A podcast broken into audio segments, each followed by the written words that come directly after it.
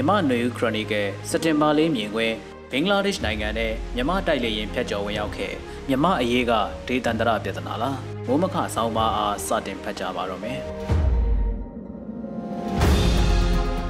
အေအေလို့ခေါ်တဲ့ရခိုင်တပ်မတော်နဲ့စစ်ကောင်စီတပ်ဖွဲ့တွေကြားတိုက်ပွဲတွေပြင်းထန်စွာဖြစ်ပွားနေတဲ့မိုင်နိုင်40လို့ခေါ်တဲ့ဘင်္ဂလားဒေ့ရှ်မြန်မာနယ်ခြားမြဲအနီးက နေကြားဆောင်ရဲကင်စခန်းကိုပြန်လည်ရရှိဖို့စစ်ကောင်စီတပ်တွေကလေကြောင်းအကူအညီပါယူပြီးတိုက်ခိုက်ရမှာတိုက်လေရင်တွေကဘင်္ဂလားဒေ့ရှ်နိုင်ငံနယ်နိမိတ်ထဲထိဖျက်ကျော်ဝင်ရောက်ခဲ့တာကြောင့်ဘင်္ဂလားဒေ့ရှ်နိုင်ငံဘက်ကစစ်ကောင်စီတန်အမတ်ကိုခေါ်ယူကန့်ကွက်ကြောင်းအသိပေးထားတယ်လို့သတင်းတွေမှာဖော်ပြထားကြပါတယ်ပြီးခဲ့တဲ့ရက်အနေငယ်က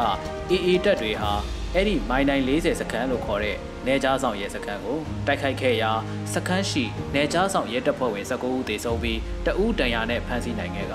စခန်းကို AA ဘက်ကသိမ်းယူခါခဲ့တာဖြစ်ပါတယ်။ဒီစခန်းကိုပြန်လည်ရယူဖို့ရာစစ်ကောင်စီတပ်တွေကရေပြင်ကောလေကြောင်းကပါတိုက်ခိုက်နေပြီးခုလိုတစ်ဖက်နိုင်ငံလေးပိုင်နက်တွေကိုစစ်ကောင်စီတိုက်လေရင်တွေဖျက်ချော်ဝင်ရောက်ခဲ့တာပဲဖြစ်ပါတယ်။မြန်မာစစ်ကောင်စီတပ်တွေဟာမကြသေးခင်က KNDO တပ်ရင်းတွေနဲ့ထိုင်းနယ်စပ်မှာဖြစ်ပွားတဲ့တိုက်ပွဲတွေတုန်းကလည်း ထိုင်းလေပိုင်နက်ထဲကိုတိုက်လေရင်တွေဖျက်ကျော်ဝင်ရောက်ခဲ့လို့ထိုင်းဘက်ကကန့်ကွက်မှုရှိခဲ့တာဖြစ်ပါတယ်။သို့ပေမဲ့ထိုင်းစစ်ဗိုလ်ချုပ်တွေဥဆောင်နေတဲ့အစိုးရအနေနဲ့မြန်မာအာဏာသိမ်းစစ်တပ်နဲ့ရင်းနှီးတဲ့ဆက်ဆံရေးရှိတာကြောင့်မြန်မာစစ်ကောင်စီဘက်ကဒီလောက်အလေးထားစရာမဟုတ်တဲ့သဘောမျိုးတွေ့ရပါတယ်။အခုအိန္ဒိချင်းဘင်္ဂလားဒေ့ရှ်နိုင်ငံနဲ့ဆက်ဆံရေးကထိုင်းနိုင်ငံနဲ့မတူဘဲခက်တန်းတန်းဆက်ဆံရေးမျိုးသာရှိတာဖြစ်ပါတယ်။ရိုဟင်ဂျာဒုက္ခသည်ရေးကိစ္စတွေနဲ့ပတ်သက်လို့မြန်မာစစ်တပ်နဲ့ဘင်္ဂလားဒေ့ရှ်နိုင်ငံတို့အကြားဆက်ဆံရေးအေးစံနေတာလည်းဖြစ်ပါတယ်။ 2019ခုနှစ်စက်တင်ဘာလတည်းက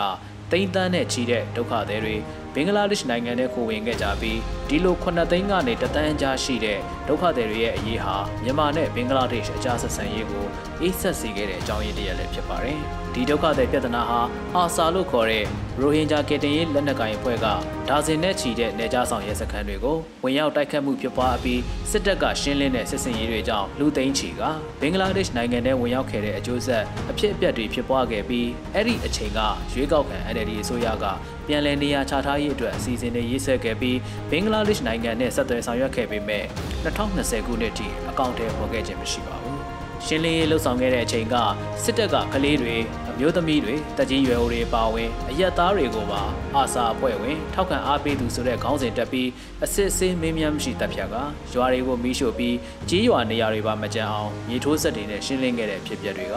လူမျိုးသုံးတပ်ဖြတ်မှုဆိုတဲ့ခေါင်းစဉ်နဲ့အပြည်ပြည်ဆိုင်ရာတရားရုံး ICJ မှာမြန်မာနိုင်ငံကိုအမှုဆွဲဆိုဖို့ဂမ်ဘီယာနိုင်ငံကရှောက်ထားတဲ့အခြေအနေတွေဖြစ်ပေါ်လာခဲ့ပြီးဒုက္ခသည်တွေနေရပြန်ရေးကနိုင်ငံရေးပြဿနာတရက်ဖြစ်ပေါ်လာက NLD ဆိုရလက်ထက်မှာအကောင့်ထဲမပေါ်နိုင်ခဲ့တဲ့အပြင် စစ်တပ်အာဏာသိမ်းမှုပါထပ်မံဖြစ်ပွားခဲ့တာကြောင့်အခုဆိုရင်9နှစ်ကြာမြင့်တဲ့ဒုက္ခသည်ပြဿနာဖြစ်လာခဲ့ပါပြီ။အဆိုပါဒုက္ခသည်ပြဿနာကလည်းမြန်မာနဲ့ဘင်္ဂလားဒေ့ရှ်နိုင်ငံဆက်ဆံရေးကိုပုံမအေးဆက်စေခဲ့တာဖြစ်တယ်လို့ဆိုနိုင်ပါတယ်။အခုအခါရခိုင်ပြည်နယ်မှာရိုဟင်ဂျာဒုက္ခသည်ပြဿနာတွေမကတော့ပဲအေးအေးလက်နက်ကိုင်ဖွဲ့ရဲ့နယ်မြေစိုးမိုးမှုစင်မြိုင်အုပ်ချုပ်ရေးတရားစီရင်ရေးတွေကိုတားဆီးဖို့စစ်ကောင်စီရဲ့ထိုးစစ်တွေပြန်လည်ဖြစ်ပွားလာနေတဲ့အခါလက်နက်ကိုင်ပဏိပခပါကျဲပြန့်လာတာကိုတွေ့ရပါတယ်။ စစ်ကောင်စီအနေနဲ့မြန်မာနိုင်ငံနိုင်ငံရေးပြဿနာဟာဒေသန္တရပြဿနာမဟုတ်ဘူးပြည်တွင်းရေးပြဿနာသာဖြစ်တယ်လို့အစဉ်တစိုက်ပြောဆိုနေပေမဲ့ထိုင်းနယ်စပ်ကတိုက်ပွဲတွေနဲ့အိန္ဒိချင်းနိုင်ငံလေးပိုင်းနဲ့ထဲဖြတ်ကျော်မှုလက်နက်ကြီးကြီးကြတာယခုတပတ်ဘင်္ဂလားဒေ့ရှ်နယ်စပ်မှာလည်းအလားတူအဖြစ်အပျက်တွေဖြစ်ပျက်လာတာဟာ